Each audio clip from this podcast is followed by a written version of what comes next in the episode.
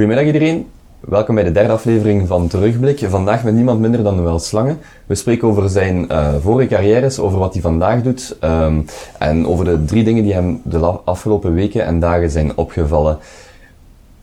Voor de mensen die hier naar kijken, wel, welkom. Het is nu op YouTube, of uh, YouTube eerst en daarna de audio. Dus fijn dat jullie de weg naar hier hebben gevonden. Voor de mensen die hier nog altijd als uh, podcast naar luisteren, geen probleem. Het blijft als audio beschikbaar. Maar bij deze zijn jullie uitgenodigd om ook uh, op YouTube te kijken, waar we zowel uh, als mijn gezicht um, en interactie uh, via video ook kunnen laten zien. Meer dan louter en alleen audio. Bedankt om te kijken. reacties, feedback, wat dan ook, mogen direct in de comments. En subscribe zeker. En dan zien we elkaar volgende week. Goedemiddag, meneer Slangen. We zitten hier vandaag bij u thuis. U, u begint te lachen. voor, voor de mensen die kijken, het is uh, de tweede keer dat we, uh, of de tweede keer in 10 minuten dat we de opname doen, omdat ik uh, vergeten was om op record te duwen. Ja, een beetje zoals een fototoestel waar de dop nog op zit. voilà, voilà. Maar we hebben eigenlijk wel, wel direct een leukere opener. Ja, ik we hebben al gerepeteerd. Ja, dus. we hebben al gerepeteerd. Ik ga u um, dezelfde vraag stellen. Ik ga beginnen met de vraag uh, of u kan vertellen waar wij vandaag de dag zitten. Ik zie hier een, uh, een mooie collectie, een mooie achtergrond van zowel tekeningen als schilderijen uh, en, en, en boekenstrips. Kan u iets meer vertellen over deze plek? Ja, ik heb eigenlijk altijd al een heel grote passie gehad voor ja, lezen in het algemeen, maar ook strips in het bijzonder. En ja, ik ben meer een striplezer dan een stripverzamelaar, maar op den duur verzamel je dan toch eigenlijk een heleboel papier, zoals je hier kunt zien. En ja, dit is de omgeving waarin ik vaak werk en zo. En dat is wel aangenaam om omgeven te zijn door boeken en door strips. Mm -hmm. U heeft een super drukke job waar ik u zo dadelijk uh, meer over ga vragen. Is het dan de enige plek waar u tot rust komt? Is het echt uw oase, zoals ze alles zeggen? waar u alles kan uitschakelen en echt geconcentreerd kan werken of geconcentreerd tot rust kan komen? Niet bijzonder eigenlijk, uh, omdat het vreemde is dat ik eigenlijk meer tot uh, rust kom als ik omgeven ben door mensen. Dus wat ik het liefst doe is bijvoorbeeld uh, iets lezen of notities maken wanneer ik ergens op een terras zit of, of op restaurant, weet ik veel wat. En ik de drukte en, en, en de mensen rond mij voel. Mm -hmm. Daar kom ik eigenlijk gemakkelijker tot rust dan zo op mijn eentje in zo'n plek. Ik heb ook in het verleden, als ik werkte, bestond mijn werk ook veel meer uit, uit vergaderen eigenlijk, met mensen samenzitten, met mensen praten. Veel meer dan dat ik uh, ja, ergens uh, achter een computer of achter een bureau zit. Hm. We zitten vandaag in Hasselt. Bent u hier opgegroeid? Ik ben een geboren en getogen Hasselaar. Ja. zoals men zegt, de enige Limburgers die niet bescheiden zijn. heeft, u, heeft u ook altijd hier gewoond in Hasselt? Uh, grotendeels, ja. ja. Maar wel altijd uh, heel sterk met uh, de blik ook buiten Limburg. Dus, dus zo de ondernemingen die ik had altijd heel sterk ook gericht waren op buiten de provincie en zo. Ehm, dat ik ook vaak de gewoonte heb om buiten de provincie een stuk van mijn vrije tijd door te brengen en zo. Omdat het is uiteindelijk, als je het bekijkt met de ogen, bijvoorbeeld vanuit het buitenland. Allemaal heel, heel klein. Hè? Limburg is een stad groot. En eigenlijk zijn Antwerpen en Brussel onze, uh, onze buursteden. Ja. Zowel binnen als buiten de provincie denk ik dat de meeste mensen u kennen, of zelfs binnen en buitenland, uh, van uw carrière of uw activiteiten in de politiek en binnen de communicatie. Um, stel iemand spreekt u vandaag op straat aan en vraagt uh, meneer Slangen, ik zie u niet meer op het scherm, wat doet u vandaag de dag? Wat is uw jobtitel? Waar bent u mee bezig? Hoe, hoe zou u die vraag dan beantwoorden? Eigenlijk hetzelfde als vroeger, namelijk dat ik ondernemer ben. Want uh, het is mijn lot, denk ik, zoals uh, sommige mensen die een one-hit wonder uh, zijn, dat mensen mij vooral kennen van mijn hobby's. Namelijk het feit dat ik in het verleden veel politieke communicatie heb gedaan, waardoor sommige mensen zelfs dachten dat dat mijn job was, en, en van mijn columns en van mediaoptredens. Uh, daar waar dat, ja, waar dat eigenlijk nooit mijn hoofdbezigheid is geweest. Het is zo dat de laatste keer dat ik professioneel voor politiek gewerkt heb, dat deed al van 2005. Maar ik denk dat het probleem is ja, dat er geen nieuwe spindokters komen en dat ik daardoor nog altijd de bekendste spindokter van dit land ben of de bekendste communicatieadviseur, alhoewel het voor mij al heel lang geleden is en ik ook uh, bijna vier of vijf jaar geleden uit het communicatievak gestapt ben. Want ja, ik had een aantal communicatiebedrijven die enerzijds voor publieke ruimte en zo werkten, zoals de ondertunneling van Maastricht, de ring rond Eindhoven, al dat soort dingen. En anderzijds voor veel bedrijven bijvoorbeeld herstructureringen gedaan hebben, positioneringsadvies, uh, crisiscommunicatie en ga zo maar verder. Ik deed dat met uh, ja, een, een, dertigtal adviseurs gemiddeld. En vier jaar geleden heb ik uh, dat bedrijf overgelaten aan iemand van het management. En ben ik nu met andere ondernemingen bezig. Dus ik, ben, ik heb samen met een aantal partners Musebooks.world opgestart. Musebooks.world is eigenlijk een, ja, je hebt eigenlijk e-books voor uh, mensen die romans lezen en zo. En Musebooks is eigenlijk een alternatief daarvoor voor kunst- en museumboeken. Dus je kunt daar switchen eigenlijk tussen een tekstvisie, een paginavisie en een beeldvisie. En bij de beelden, de schilderijen en zo kun je dan heel sterk op inzoomen en zo. En we doen dat onder andere nu al voor uh, MoMA in New York, voor Thames Hudson uit Londen, dus een aantal uh, dan vooral een, een digitalisatieproces. Is het, neem ik aan, is een groot deel of het grootste onderdeel van het bedrijf. En daarnaast dan het publiceren van die gedigitale, uh, gedigitaliseerde archieven. Wij vertrekken eigenlijk vanuit de drukbestanden die normaal naar een drukker gaan. En we hebben software ontwikkeld die dat omzet in die verschillende leeservaringen. En dat publiceren we dan zowel op onze eigen website als via uh, derde kanalen. Ja. Nog even terugpikken op uw vorige carrière, of waarvoor de meeste mensen u kennen. Um, Michael van Peel zegt in zijn, in zijn nieuwste eindejaarsconferentie dat een quiz een politieker kan maken, of kraken. Vooral maken zijn voorbeeld. Um, hoe kijkt u er naar terug? Want u zegt wel, het was een hobby van mij om politieke uh, of politiekers te adviseren of helpen. Ik neem aan dat uw carrière of de, uh, de groei van uw bedrijf ook niet geschaad heeft. Hoe, hoe kijkt u daar naar terug? Zou u dat nou, pas op, het heeft, mijn, het heeft de groei van mijn bedrijf wel heel vaak ja? geschaad. Ja, ja. Omdat uh, men de dingen dan... Ja, je had dan ook heel vaak af te rekenen met uh, politieke aanvallen, terwijl natuurlijk de partners en de medewerkers daar weinig mee te maken hadden, niks mee te maken hadden in feite. Maar ik had er geen spijt van, want het leven was boeiend, hè, dat aspect. Dus, uh, maar goed voor zaken is zoiets niet. Maar dat is ook niet altijd het belangrijkste. Hè.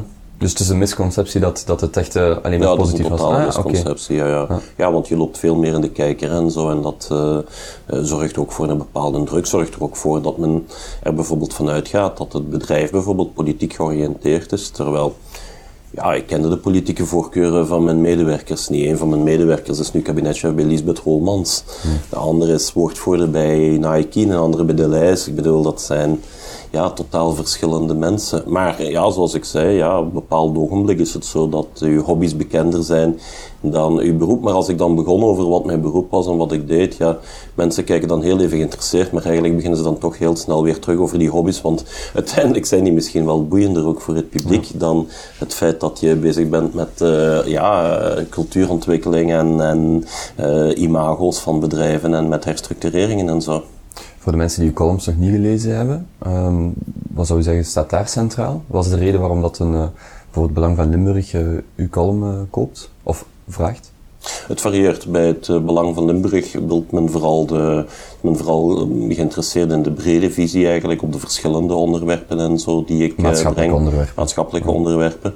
Um, en terwijl ik bijvoorbeeld in de standaard uh, veel meer georiënteerd ben uh, op het uh, geven van politiek commentaar eigenlijk. wat ook gemakkelijker geworden is omdat ik ja, ruim een half jaar geleden zelf mijn lidmaatschap bij Open VLD eigenlijk heb opgezegd om ja, mijn freedom of speech eigenlijk terug te kunnen krijgen. Want ik ben iemand die zich moeilijk laat binden in vastliggende standpunten. Ja, ja. Ik neem aan dat u wel een, een boeiende week, als u een samenvatting van uw week maakt, nu als CEO van, uh, van Musebooks, mm. een stukje columnist, um, dat u, en daartussendoor uw hobby's, uw verzameling die ik hier rond mij zie, dat u wel een boeiende week heeft. Bent u, bent u een gelukkig man op dit moment waar u staat? Of op het moment in het leven waarop u nu staat? Ja, ik ben eigenlijk wel heel gelukkig, maar het heeft minder met professionele te maken, want dat is niet altijd gemakkelijk. Ik zit ook, uh, ik zit ook in commercieel vastgoed en uh, dat is bijvoorbeeld iets wat op dit ogenblik veel minder val, uh, goed valt met de opkomst van de e-commerce. Wat waar mijn ene activiteit eigenlijk er belang bij heeft dat de e-commerce het goed doet, heb ik een andere activiteit die er eigenlijk onder te lijden heeft. Mm. Um, dus het is niet zo dat iedere onderneming en zo die ik doe, ja, dat die, dat die even gemakkelijk is. Maar ja, dat is ondernemerschap, dat uh, hoort er ook wel bij. Maar als ik gelukkig ben, heeft dat uh, vooral te maken met het feit dat ja, ik tevreden ben met mijn leven en vooral heel gelukkig ben met, uh, met mijn gezin en mijn, mijn relatie. En dat is uiteindelijk het belangrijkste. U wordt volgende week ook 52, als ik me niet vergis. Ik ben van 1965, dus ik denk 52. Ja, ja, 52. Ik neem aan dat u dan wel positief naar, naar het ouder worden kijkt. Is dat een juiste veronderstelling? En dan bedoel ik, dan bedoel ik niet zozeer ouder worden als een, als een cijfer, als een getal, maar wel de, de het opdoen van kennis, het groeien in, in nieuwe rollen, het, het, het, evolueren in het leven. Het voordeel is dat je, dat je meer kennis hebt, dat je rustiger wordt, dat je een stuk onrust verliest. Uh, het nadeel is dat je rustiger wordt en een stuk uh, onrust verliest. Uh, omdat de onrust die gepaard gaat met de jeugd en ook het feit dat je bereid bent om meer risico's te nemen, veel verder te gaan in sommige dingen, heeft ook zijn charmes. Ik denk gewoonweg dat iedere periode in een leven zijn voor- en nadelen heeft. En ik denk ook dat in, voor iedereen en in iedere periode, ja, dat het niet altijd Facebook-tijden uh, zijn waarin alles perfect en alles tof is. Dus dat varieert eigenlijk. Oké. Okay. U maakt een mooie opening naar niet alles wat perfect is. Ik ben eigenlijk naar u gekomen met de vraag, eh, meneer Slangen. Ik heb een, uh, uh, een nieuw format in de zin dat lange interviews wel leuk zijn, maar kijkers en luisteraars ook vaak vragen van, kunt je, kan het ook wat korter en wat gecondenseerder? Nog iets meer dan 140 aanslagen. Maar toch iets meer dan 140 aanslagen, inderdaad. Um, met de vraag om drie hoogtepunten van de afgelopen week, of dat mag ook weken zijn, um, met ons te delen. En uh, ook dan een, een hoopvolle of minder hoopvolle blik naar de toekomst. Maar ik ga beginnen bij die drie dingen um, en, en u gewoon aan het woord laten. Ja, drie dingen die mij uh, de afgelopen dagen eigenlijk opgevallen zijn. Ja, langs een van de drie kun je helemaal niet uh, heen kijken, namelijk dat is uh, Trump die de volgende Amerikaanse president wordt. vandaag, nu dat wij het opnemen, is zijn inauguratie. wordt hij president van de Verenigde Staten. Um, een, een, gebeurtenis die je eigenlijk ook kunt zien als een indicator van een globale beweging die bezig is.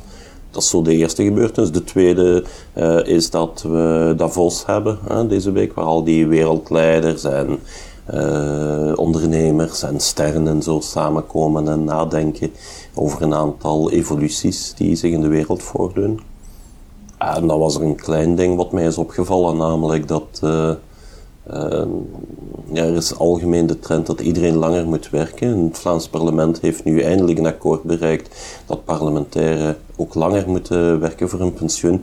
Het, bijzondere is alleen dat ze beslist hebben dat dat alleen voor de nieuwe parlementairen is, namelijk degenen die nog gaan komen en niet voor degenen die er nu zijn. Ik vond dat eigenlijk vrij typerend, omdat dat een probleem is dat uh, zich algemeen stelde. Niet alleen bij de politiek, namelijk uh, uh, algemeen hebben we nogal de neiging om, um, we willen dat er heel veel verandert, maar niet voor onszelf.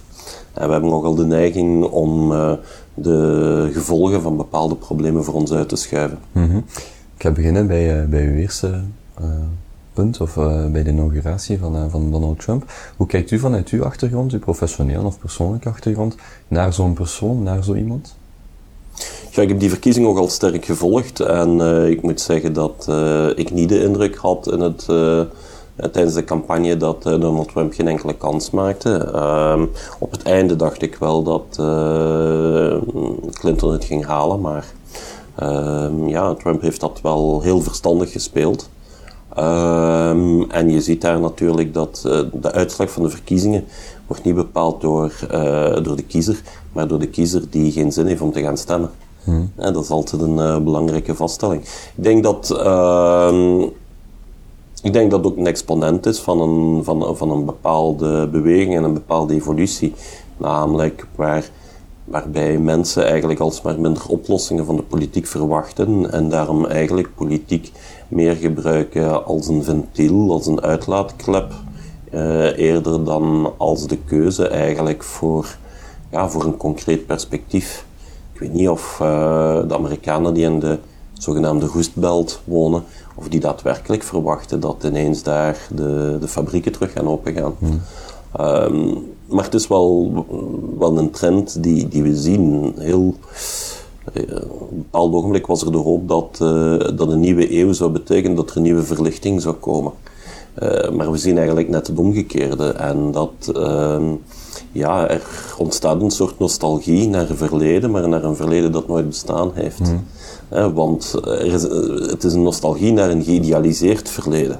Een, een verleden waarbij men uh, vergeten is dat uh, de welvaart daar lager lag, dat men misschien inderdaad zich minder zorgen moest maken om, uh, om een wereld die verandert, want er veranderde niet zoveel, maar waar je ook veel minder sociale mobiliteit had. En, uh, voor, welke, voor welke tijdsperiode heeft u het dan voornamelijk? Als u zegt dat geïdealiseerde verleden? Heel eh, varieert van persoon tot persoon. Hmm. Maar als je bijvoorbeeld ziet, het is niet verwonderlijk bijvoorbeeld dat zowel in het geval van de Brexit als in het geval van uh, Donald Trump, dat het vooral oudere generaties zijn die die, die keuzes maken. Hmm. En, en dat is vanuit zo'n valse nostalgie. Maar uh, nostalgie en welk tijdperk, dat ligt aan de leeftijd van die hmm. personen. Ja.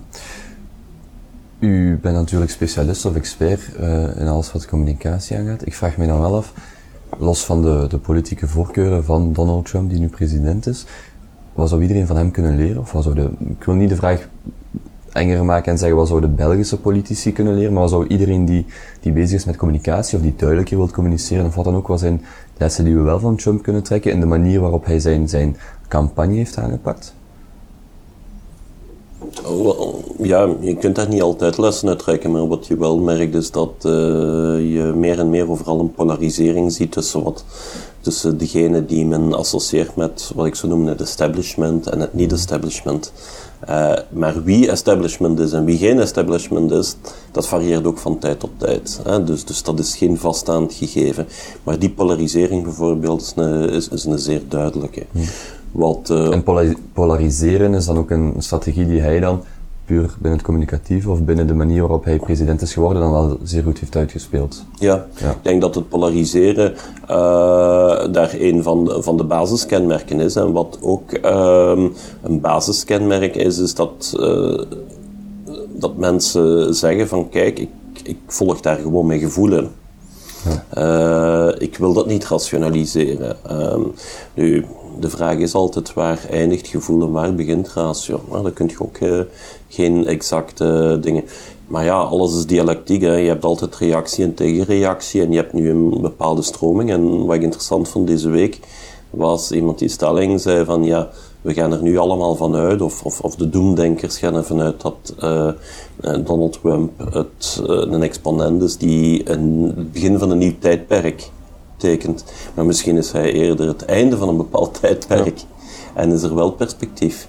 Dus dat ligt er, uh, ja, dat ligt er gewoon uh, aan. Uh, maar je merkt wel dat ehm, de, de globalisering en, en de wereld die dichterbij komt, zorgt ervoor, zorgt voor onbehagen bij mensen. En je voelt dat vandaag de politiek er niet goed in slaagt om dat onbehagen te beantwoorden. Of zelfs te omarmen en, en, en hoop te geven. Ja. Van Trump en zijn afwezigheid op Davos naar Davos. Mhm. Hoe komt Davos zo hoog op uw lijstje? Omdat uh, het interessante aan, ik bedoel, Davos heeft, heeft, heeft een positieve en een negatieve kant. Hè. De negatieve kant uh, zou je kunnen zeggen van ja, het is een chatset party waar mensen in uh, privéjets en helikopters naartoe komen. Nu, die, die mensen zijn anders ook onderweg met hun privéjets en hun helikopters. Het voordeel is dat in Davos uh, je de ontmoeting ook hebt met wetenschappers, uh, met denkers, dat uh, cijfers worden in kaart gebracht, worden gecommuniceerd worden. En ehm, dat uh, een, een, event zoals Davos erin slaagt om heel even van de waan van de dag los te komen. En een aantal tendensen en zo ja, op langere termijn te bekijken. En dat vind ik daar wel interessant van. En ook de manier trouwens hoe zij nu op, op social media uh, ook bepaalde resultaten, bepaalde inzichten bijvoorbeeld verspreiden. Het enige probleem wat we natuurlijk hebben met uh, social media is dat die intussen zo geprogrammeerd zijn dat alleen nog de gedachten die we zelf al hebben naar ons komen. En dat de gedachten die dat tegenspreken, dat die doorgaans bij ons weggehouden worden. Dat is ook een van de grote problemen.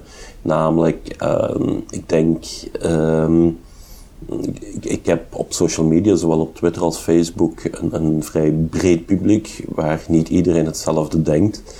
Uh, en dat vind ik wel interessant, omdat je dan uh, verschillende meningen en zo hoort.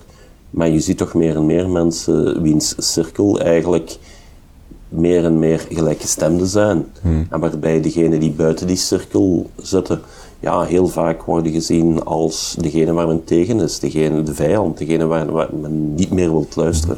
Ik ga het u direct vragen, binnen die cirkel waarvan u positief kijkt naar, naar Davos, uh, wat zijn de, de, de, mensen of de meningen die daar buiten vallen, die, die ook, uh, waar u natuurlijk ook naar moet luisteren? Want ik kan mij voorstellen, of een vraag die nu direct bij mij te boven kwam of te binnen viel, was, hoe neemt u überhaupt deel aan Davos? Word je daarvoor uitgenodigd? Moet je een bepaald net over vermogen hebben? Kan mij, het is inderdaad een zeer exclusieve club. Ik zou het niet weten, ik ben nog nooit uitgenodigd. Ja, ja en, en, om, om, hetzelfde wat u zei, u zegt van, er komen een stukje, of een deel wetenschappers, maar ook daarom inderdaad niet de perceptie of de valse hoop misschien te creëren dat, dat ook die wetenschappers deel maken van diezelfde groep en, en dat er daar misschien meningen buiten de boot vallen die, die net zo belangrijk ja. zijn. Allee, nu, maar een van de problemen natuurlijk die zich stelt is dat uh, de, in, in, in, in de media is er eigenlijk een trend ontstaan die, uh, die ervan uitgaat dat voor iedere mening er een, er een anti-mening bestaat. Mm. Uh, maar men kwantificeert die meningen niet meer. Wat betekent dat? Dat betekent dat uh, je een, eigenlijk een heel ongelijk beeld krijgt. Hè? Bijvoorbeeld, als je Angela Merkel hebt, die een standpunt heeft rond het vluchtelingenbeleid, dan is het tegenwicht dat men eigenlijk de extreemrechtse partij, de AFP of hoe heet ze in Duitsland, dat men die daar tegenover plaatst. Nu, de realiteit is dat die AFP eigenlijk niet zo groot is en dat er tussenin ook nog socialisten, liberalen, dit en dat partijen zitten, groepen zitten, die veel groter zijn dan die antithese. Maar men concentreert zich volledig op die twee extremen. Klimaatdiscussie. Klimaatdiscussie zegt men van ja, je hebt mensen die geloven in de klimaatopwarming en je hebt er die daar niet in geloven. Terwijl het middenvlak... Uh... Maar het gegeven is dat bij wetenschappers je 98% hebt die daarin gelooft hmm. en 2% die zegt dat dat niet zo is. Maar in, in de media is het zo van oké, we nemen iemand die ja zegt en we nemen iemand die nee zegt.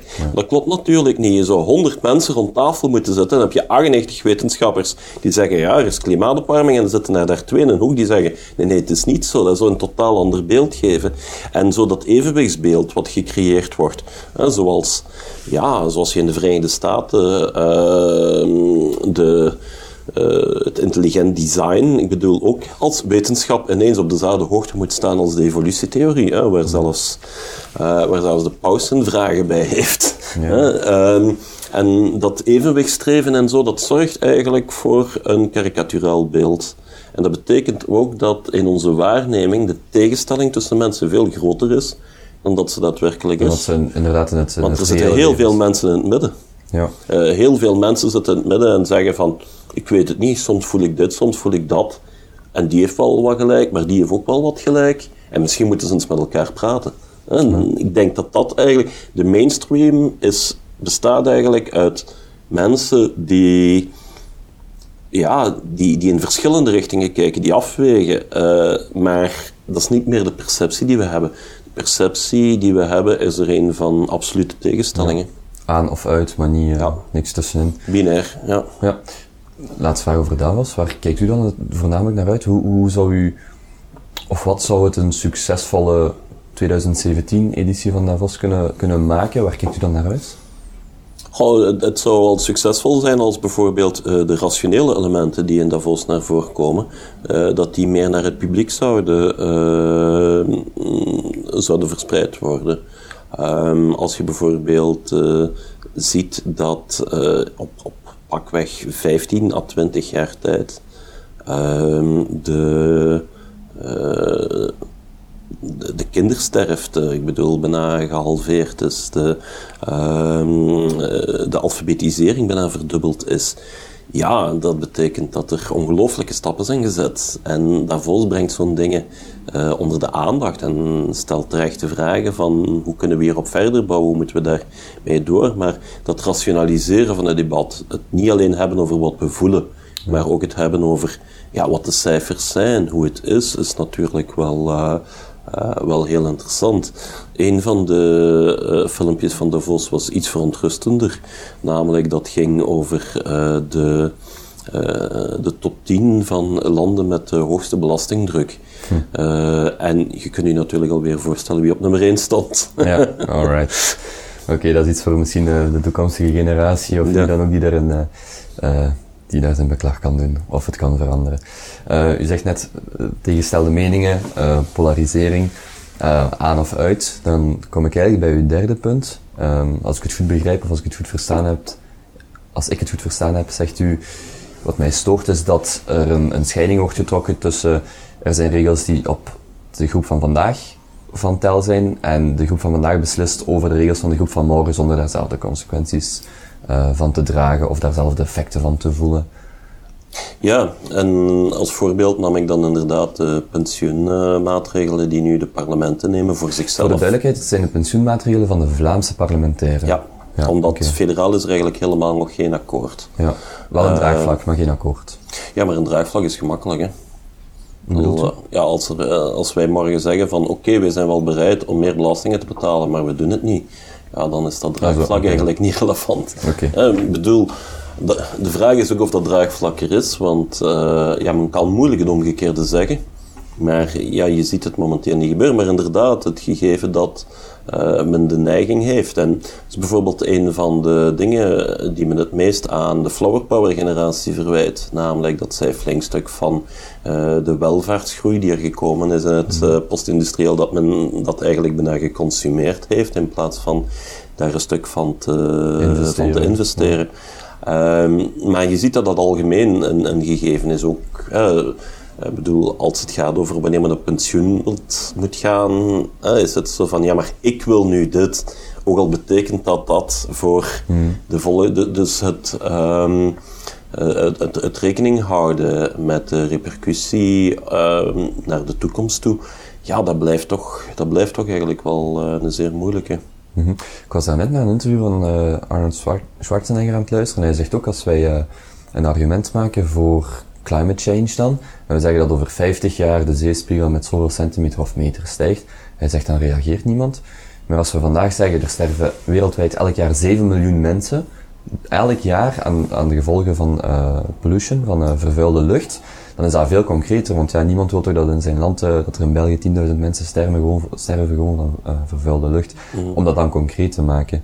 Nu, hoe, hoe helpen we zoiets? Of hoe verhelpen we zoiets? Hoe kunnen hoe kan iemand zich daarvoor ofwel indekken, of, of, of hoe zou u het liever zien gaan in, de, in het geval van het Vlaams parlement? Ja, ik, vind, ik, begrip ik, vind, ik vind dat nu maar één voorbeeld eh, van iets wat exemplarisch is voor een algemeen gegeven. Mm.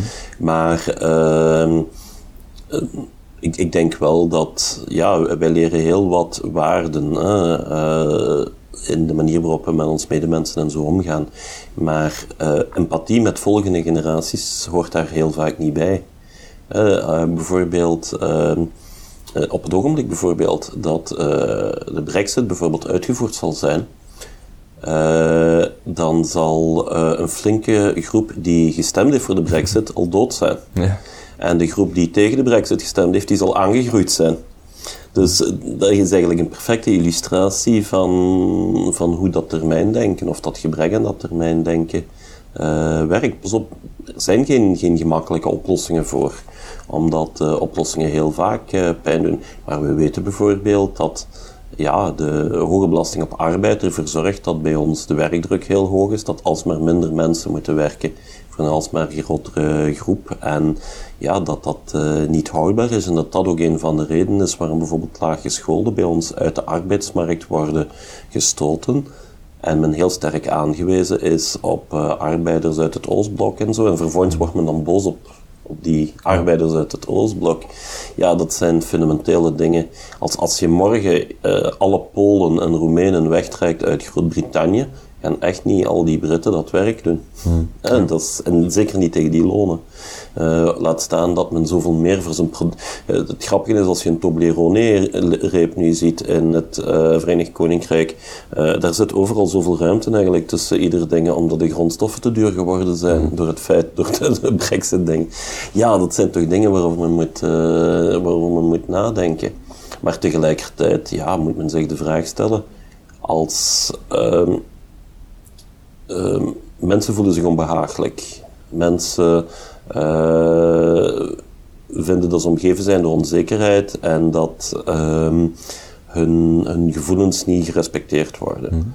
Ehm, dat betekent dat mensen hebben een houvast nodig. Uh, vroeger werd die houvast heel vaak ook uit godsdienst geput, bijvoorbeeld. Uit de gemeenschap waartoe men behoorde, het beroep dat men deed. En je voelt dat die traditionele houvasten dat die verdwijnen of misbruikt worden. wat we zien bij de radicale islam en weet ik veel wat. De vraag die we ons moeten stellen is hoe kunnen we nieuwe houvasten creëren, nieuwe elementen die mensen verbinden. Uh, nieuwe identiteitselementen eigenlijk. Uh, elementen die ons een, ja, die ons een positief identiteitsantwoord geven, mhm. omdat nu identiteit eigenlijk heel vaak iets is wat zich negatief veruitwendigt, namelijk door tegen anderen te zijn, door tegen verandering te zijn. Identiteit te bouwen door het tegen anderen af te zetten in plaats van... Maar dan ga ik het zeer concreet maken. U bent vader, uh, u kan het misschien op uw eigen kinderen projecteren of die van anderen. Hoe zou u dan nu eender welke ouder aanraden om net dat stukje identiteit bijvoorbeeld aan kinderen, met ook perspectief op volgende generaties, hoe probeert u dat dan centraal te zetten in een opvoeding? Of ik zal niet zeggen centraal zetten, maar hoe, als u dan zo de krant open doet en u ziet bijvoorbeeld zoiets, wat zou er dan door uw hoofd zitten dat u zegt van oké, op die manier kan ik het mijn kinderen anders laten zien of een alternatief laten zien? Ik denk dat het belangrijk is om, om veel te praten, maar, uh, maar uiteindelijk is identiteit iets, wat een gezin overstijgt en wat veel collectiever is en wat veel breder is. Uh, en misschien maar goed ook, bijvoorbeeld. Uh, mijn kinderen zijn opgegroeid met een vrij open blik naar de wereld. Uh, maar het gevolg is wel dat uh, op dit ogenblik de helft van mijn kinderen in het buitenland zit. Ja. ik bedoel, en op dit ogenblik niet echt veel zin heeft om terug te komen. Ja. Dus uh, ik bedoel, het is ook niet zo dat dat... Actie-reactie. Ja, dus, het is ook niet zo dat... ik weet niet of het zo goed zou zijn als alle Vlaamse of Belgische kinderen het zouden, zouden doen. Um, dus ik denk dat is, iets, dat is iets breders. Dat is iets eh, wat eh, een gezin of een ouder eigenlijk uh, uh, overstijgt. En we moeten vooral bereid zijn om daar samen over na te denken. En ook samen met mensen waar we het misschien niet helemaal mee eens zijn. Want het is, het is zo gemakkelijk om te praten met mensen die hetzelfde zeggen als, als jezelf. Maar eigenlijk zit je niet aan het praten. Je zit dan eigenlijk vooral in de spiegel aan het kijken. Ja, ja. Is bewustzijn de eerste stap? Bewustzijn van het collectief waarin we zitten? Ja, en empathie. Empathie namelijk u kunnen verplaatsen in, uh, in de gevoelens en de gedachten van uh, andere mensen. Okay. En de situaties van andere mensen. Oké. Okay. Mag ik u hierbij bedanken voor, uh, voor het, het half uur dat we elkaar hebben gesproken. Graag gedaan. Um, ik hoop dat de microfoon op staat. ja, ja, bij deze wel. nu, nu hoop ik de camera nog. Nee, maar dan, dan is alles in orde. Um, bedankt. Goedemiddag. Goedemiddag, meneer Slangen. Zo, zo ja, ja, ja. Oh, dat is zoals uh, foto's nemen met het uh, dopje op de lens. Het is wel de eerste keer dat dit gebeurt, maar oké. Okay. Ja. Oké. Okay. ja.